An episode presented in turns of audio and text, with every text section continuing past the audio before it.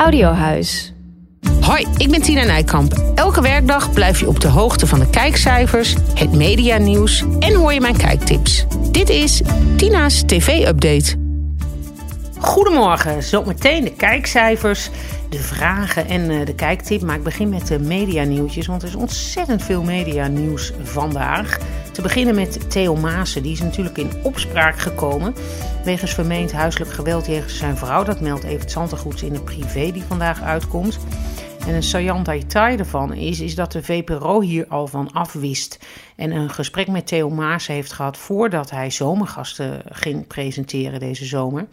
En uh, daar waren dan een aantal medewerkers helemaal niet blij mee ook dat hij dat ging doen. Dat vertelt in ieder geval het verhaal van de privé en de Telegraaf vandaag. En de vraag is natuurlijk, wat gaat de VPRO nu doen? Nou, ik denk wel dat zij vandaag met een statement moeten gaan komen. Uh, wat zij hiervan vinden, hoe ze hierover denken. En uh, wellicht ook wel, denk ik, dat Theo Maassen zelf uh, zal zeggen: van nou ja, ik stop voorlopig met het presenteren van zomergasten. Want er is nu zoveel aan de hand. En ik denk ook dat hij de NPO verder niet wil belasten. Want de NPO kan deze rel natuurlijk al helemaal niet gebruiken. Want die hebben net al Galit Kazem gehad. En vorig jaar al heel veel rellen. Volgende week komt dat commissie van Rijn-rapport nog uit. Dus nou ja, die zitten jou ook al helemaal niet op te wachten om nog een rel. Want ze al enorm onder vuur. Ook voor de VPRO is dit het tweede slechte, nieuws uh, van de week.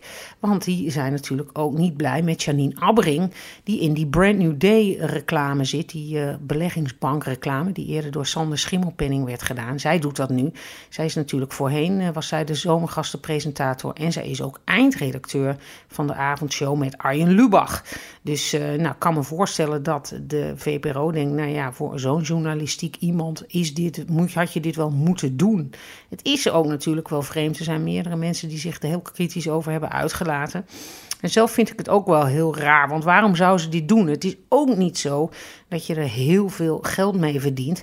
En ze heeft natuurlijk ook te maken natuurlijk met haar vriendje Roen Wollaars. Die uh, Nieuwsuur presenteert. Dus die kan ze ook nog in verlegenheid brengen. Nou, bij Lubach nemen ze iedereen altijd, eh, alle banken en alles kritisch onder de loep. Dus daar kan ze mee in de problemen komen. En zoveel geld levert het niet op. Um, ik heb begrepen dat een kleinere rol in deze commercial, want die zijn er ook, hè, er zijn bijvoorbeeld ook rollen voor Eus en uh, nog voor anderen, dat die 30.000 euro uh, zouden op hebben geleverd. En uh, Janine, die natuurlijk wel een wat grotere rol heeft, ziet naar verwachting aan de 50.000 euro voor deze spot.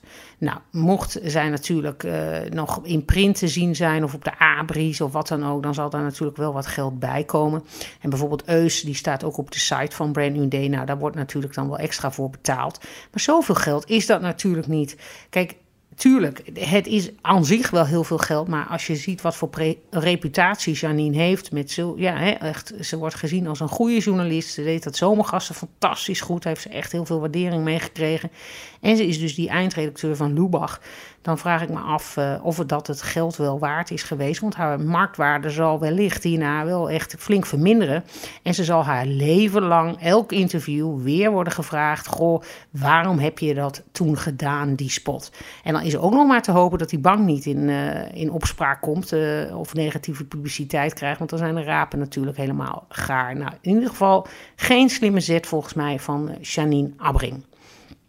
Dan ga ik nu naar het volgende nieuwtje. Dat is ook geen goed nieuws voor Frans Bauer. Nou, want uh, de Bouwers, ik kan bekendmaken, ik heb uh, ontdekt wanneer dat begint. Het begint op 4 april, donderdag 4 april op NPO 1 om half negen.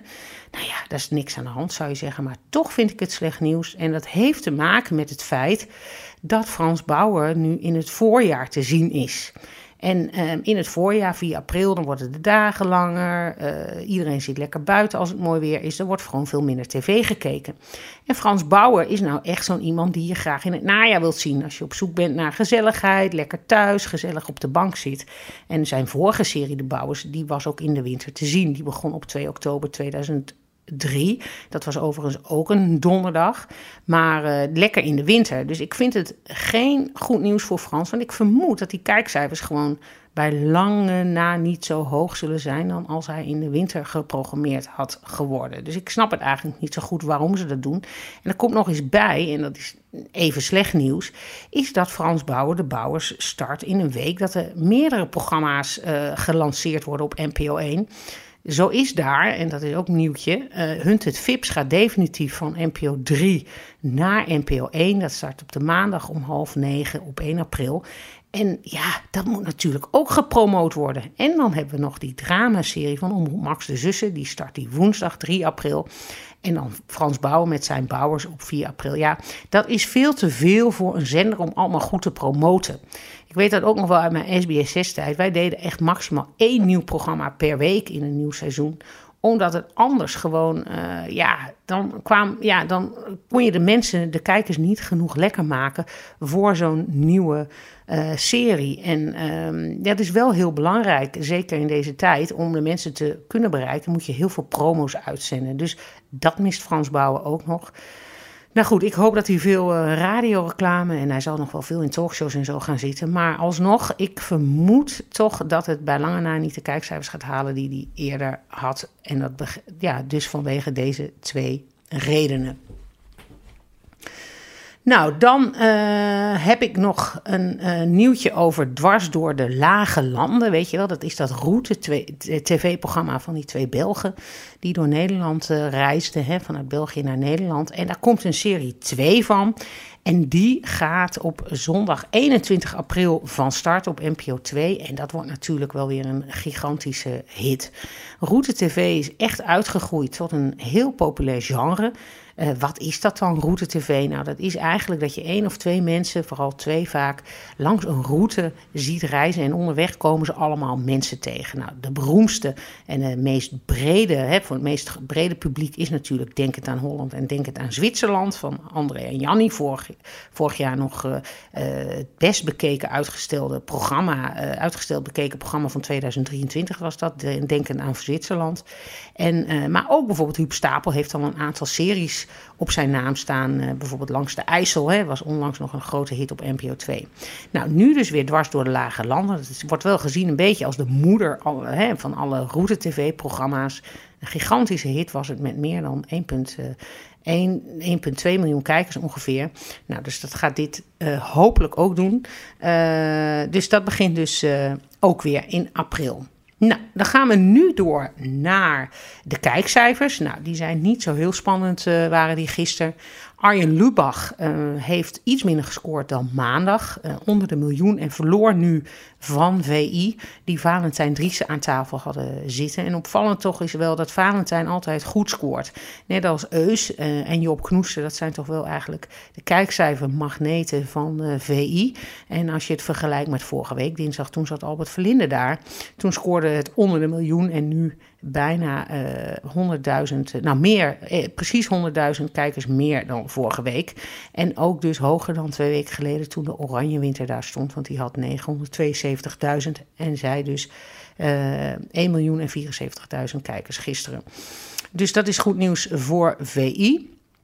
En verder valt op dat Big Brother en Bondgenoten, dat zijn toch wel twee gelijkende programma's, allebei uit de koken van John de Mol. Nou, Big Brother is worldwide nog steeds een hit. En nu op RTL 5 doet het dat alleraardigst. En uh, die scoren ongeveer 10% in de doelgroep 25 tot 54 jaar. En rond de 300.000, 400.000 kijkers elke dag. Uh, en beide doen het aardig. Dus uh, voor John de Mol uh, ook een goede woensdag. Want bondgenoten waar hij dan nu zelf profijt van heeft, omdat dat op SBS 6 staat, ja, doet het eigenlijk veel beter dan ook dan een half acht vorig jaar. En voor RTL 5 is het natuurlijk goed nieuws dat Big Brother goed van start gaat. Um, dat waren de kijkcijfers. Dan nu de vragen. Uh, de eerste vraag is: Komt Mindfuck nou nog eens een keer terug naar alleen die oudejaarspecials? Ja, dat komt terug. Victor Mits heeft een aantal jaren geen reguliere serie gehad. Dat is echt alweer een jaar of drie geleden. Maar hij komt nu terug en uh, dat begint al op 16 maart. Dan begint zijn nieuwe serie uh, op NPO 1 en uh, kunnen we weer genieten van al die trucs. En op oude jaar was, was die ook heel goed bekeken. Hè? Het had bijna 2 miljoen kijkers. Dan volgende vraag. Um, wat gaat directeurtje doen? Ja, directeurtje Marco Laurens natuurlijk. Die stroomt vanavond in bij de slimste. Hè. Hij zit in de kwartfinale. En ehm, de vraag is, wat gaat hij na uh, deze slimste deelname doen? Nou, op zijn LinkedIn staat dat hij creatief is. En uh, ja, misschien gaat hij bijvoorbeeld script schrijven of dat soort dingen. Maar ik heb al wel vast een tip ook voor SBS 6. Hij is natuurlijk ook Sinterklaas hè, bij VI elk jaar. En wellicht is het een idee om bij SBS 6 een soort Sint en de Leeuw te doen, maar dan met directeurtje.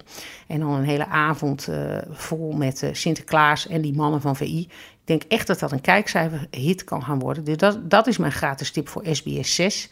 En uh, nou ja, nu eerst maar eens hopen dat Marco wint natuurlijk. Dat is hem natuurlijk ook van harte gegund. Dan vraag 3. Uh, komt Verslaafd ooit nog eens terug op RTL? Uh, dat denk ik eigenlijk niet. Uh, je zag al dat het laatste seizoen, wat overigens ook maar uh, uit vier afleveringen bestond, al op Videoland werd geplaatst door RTL. En ik denk eigenlijk dat RTL het niet meer zo in 2024 vindt passen. En dat ze daarom voorlopig mee op zullen houden. En er zijn ook dus blijkbaar niet genoeg cases te vinden, want daarom maar vier afleveringen. En ik denk dat ze het gewoon uh, vinden dat zulke kwetsbare mensen, dat je die eigenlijk niet meer op televisie moet laten zien. Nou goed, uh, dat waren de vragen. Dan nu nog de kijktip. Nou, mijn kijktip is: ga lekker voetbal kijken. De vrouwen zijn te zien, Ajax-vrouwen op NPO 3 tegen Paris Saint-Germain in de Champions League. En PSV uh, voetbal tegen Feyenoord voor de beker uh, op Star Channel en op ESPN. Nou, dat was het. Tot de volgende keer. Dit was Tina's TV-update. Heb jij nou ook een vraag? Stuur me een berichtje via Tina Nijkamp op Instagram. Tot morgen!